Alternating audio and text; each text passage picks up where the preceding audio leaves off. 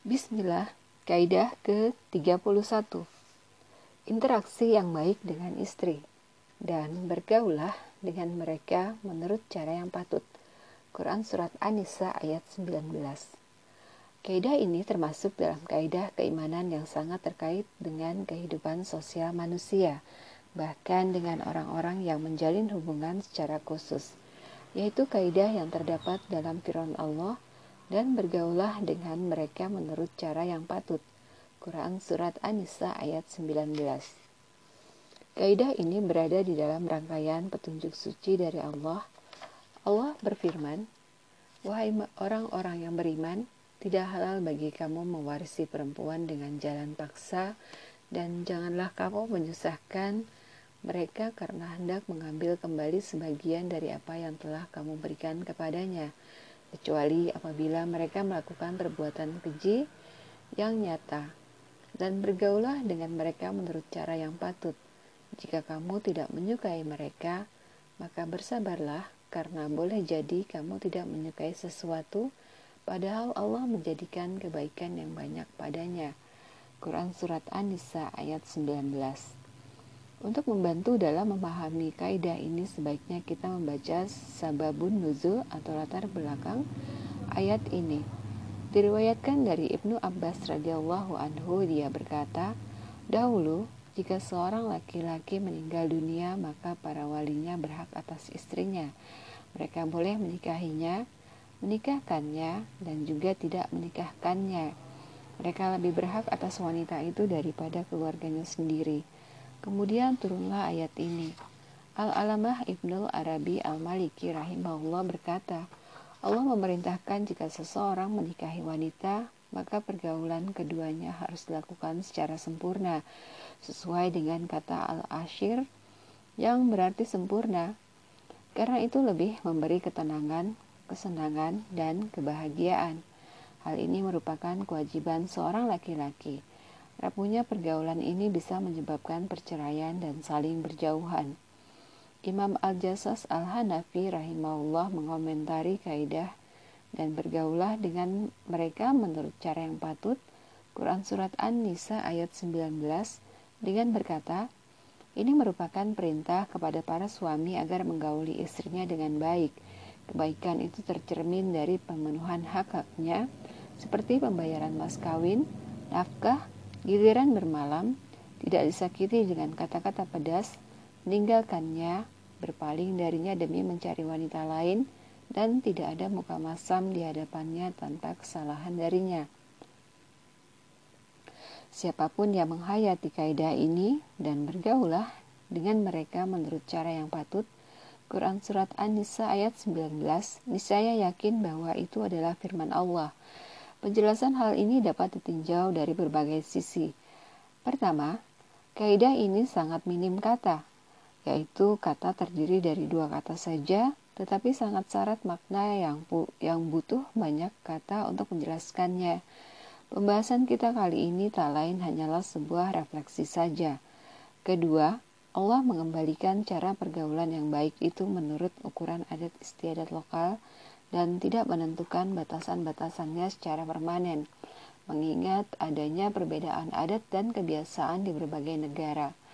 Juga adanya perbedaan posisi suami dalam hal keuangan dan status sosialnya serta perbedaan lainnya yang telah digariskan Allah atas hamba-hambanya. Masalah ini bukanlah masalah satu-satunya yang mana keputusannya dikembalikan sesuai adat dan kebiasaan lokal atau urf tetapi hal ini banyak ditemukan dalam banyak masalah. Masalah yang paling dekat dengan tema kita saat ini adalah firman Allah dan mereka, para perempuan, mempunyai hak seimbang dengan kewajibannya menurut cara yang patut. Quran Surat Al-Baqarah ayat 228 Ayat ini memerintahkan kepada setiap pasangan suami istri untuk menggauli pasangannya dengan baik. Allah juga berfirman, talak yang dapat dirujuk itu dua kali. Setelah itu, suami dapat menahan dengan baik atau melepaskan dengan baik. Quran Surat Al-Baqarah ayat 229 Allah berfirman, dan apabila kamu menceraikan istri-istri kamu, lalu sampai akhir idahnya, maka tahanlah mereka dengan cara yang baik, atau ceraikanlah mereka dengan cara yang baik pula. Quran Surat Al-Baqarah ayat 231 Dalam hal nafkah bagi perempuan yang menyusui dan anak yang disusui, Allah berfirman, dan ibu-ibu hendaklah menyusui anak-anaknya selama dua tahun penuh. Bagi yang ingin menyusui secara sempurna dan kewajiban ayah menanggung nafkah dan pakaian mereka dengan cara yang patut. Quran Surat Al-Baqarah ayat 233 Mengingat jumlah nafkah seorang laki-laki yang kaya berbeda dengan nafkah laki-laki yang kurang mampu, karena besarnya nilai yang terkandung dalam kaidah ini, dan bergaulah dengan mereka menurut cara yang patut.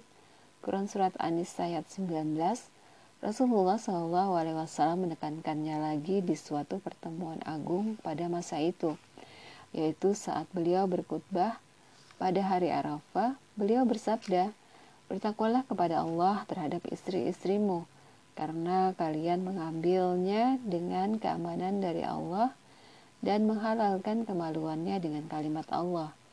hak kalian atasnya adalah tidak ada seseorang yang menginjak kasurmu jika ia melakukannya, maka pukullah dengan pukulan yang tidak melukai.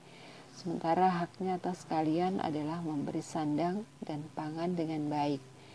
Ayat-ayat dan hadis-hadis tentang hal ini sangat banyak.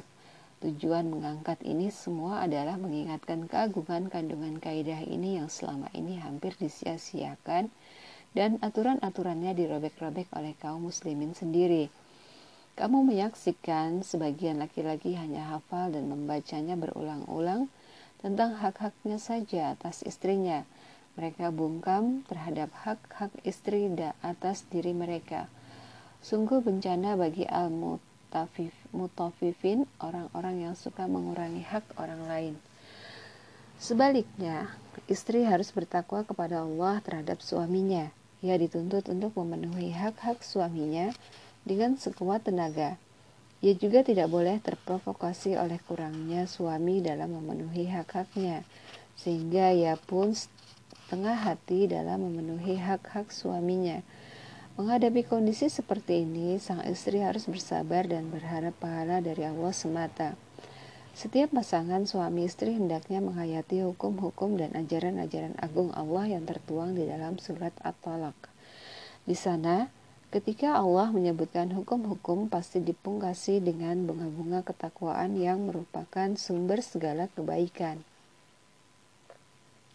Allah berfirman, Barang siapa bertakwa kepada Allah, niscaya dia akan membukakan jalan keluar baginya, dan dia memberinya rezeki dari arah yang tidak disangka-sangkanya. Dan barang siapa bertawakal kepada Allah, niscaya Allah akan mencukupkan keperluannya. Quran Surat At-Talaq ayat 2 sampai 3. Allah berfirman, dan barang siapa bertakwa kepada Allah, niscaya dia menjadikan kemudahan baginya dalam urusannya. Quran Surat At-Talaq ayat 4. Allah berfirman, barang siapa bertakwa kepada Allah, niscaya Allah akan menghapus kesalahan-kesalahannya dan akan melipat gandakan pahala baginya. Quran Surat At-Talaq ayat 5. Rahasia besar di balik adanya garis bawah dengan ketakwaan ini adalah bahwa konsekuensi perceraian dan perpisahan, apalagi saat pihak wanita sedang hamil, adanya bayi yang masih dalam usia menyusui atau tetapnya hukum idah mendorong salah satu pihak berbuat zalim, aniaya, dan tindakan negatif lainnya. Maka dorongan ketakwaan yang agung ini sebagai penyemangat bagi orang-orang yang bertakwa sekaligus menjadi kecaman bagi mereka yang menyepelekannya bahwa kesengsaraan akan menimpa mereka jika mereka melanggar ketentuan-ketentuan yang ditetapkan Allah. Makna ini tercermin di dalam ayat yang menjadi pamungkas surat At-Tolak. Allah berfirman, dan betapa banyak penduduk negeri yang mendurhakai perintah Tuhan mereka dan Rasul-Rasulnya maka kami buat perhitungan terhadap penduduk negeri itu dengan perhitungan yang ketat. Dan kami azab mereka dengan azab yang mengerikan di akhirat, sehingga mereka merasakan akibat yang buruk dari perbuatannya, dan akibat perbuatan mereka itu adalah kerugian yang besar. Allah menyediakan azab yang keras bagi mereka, maka bertakwalah kepada Allah, wahai orang-orang yang mempunyai akal yaitu orang-orang yang beriman. Sungguh Allah telah menurunkan peringatan kepadamu. Quran Surat At-Tolak ayat 8-10 Kalangan salafus soleh sangat memahami nas-nas agung ini, termasuk di dalamnya kaidah dan bergaulah dengan mereka menurut cara yang patut. Quran Surat An-Nisa ayat 19 Ibnu Abbas radhiyallahu anhu, sang penafsir Al-Quran sejati menyatakan, Aku senang merias diri untuk menyenangkan istriku, sebagaimana aku senang jika ia merias diri untukku. Karena firman, karena Allah berfirman, dan mereka para perempuan mempunyai hak seimbang dengan kewajibannya menurut cara yang patut. Quran Surat Al-Baqarah ayat 228 Aku juga tidak senang jika menuntut semua hak-hakku atasnya, karena Allah berfirman, para suami mempunyai kelebihan di atas mereka. Quran Surat Al-Baqarah ayat 228. Yahya bin Abdurrahman Al-Hanzali berkata, Aku datang kepada Muhammad bin Al-Hanafiyah dan ia menemuiku dengan mengenakan kain merah dan jenggotnya meneteskan wewangian. Maka aku bertanya, apa-apaan ini? Ia menjawab, kain ini diberikan istriku untuk aku pakai dan ia juga meminyakiku. Mereka suka sangat bergairah dengan ini semua, sebagaimana aku juga bergairah kepada mereka. Inilah pandangan Islam tentang hubungan suami istri yang terekam secara lengkap dalam kaidah dan bergaulah dengan mereka menurut cara yang patut. Quran Surat An-Nisa ayat 19 dan firmannya, dan mereka para perempuan mempunyai hak seimbang dengan kewajibannya menurut cara yang patut. Quran Surat Al-Baqarah ayat 228. Hubungan itu harus dibangun atas azas muasyarah atau pergaulan yang baik dan kesabaran menyikapi kekurangan yang timbul dari salah satu pihak. Jika hubungan itu tidak bisa dilanjutkan, maka Islam memerintahkan untuk bercerai secara baik-baik sehingga kehormatan keduanya tetap terjaga.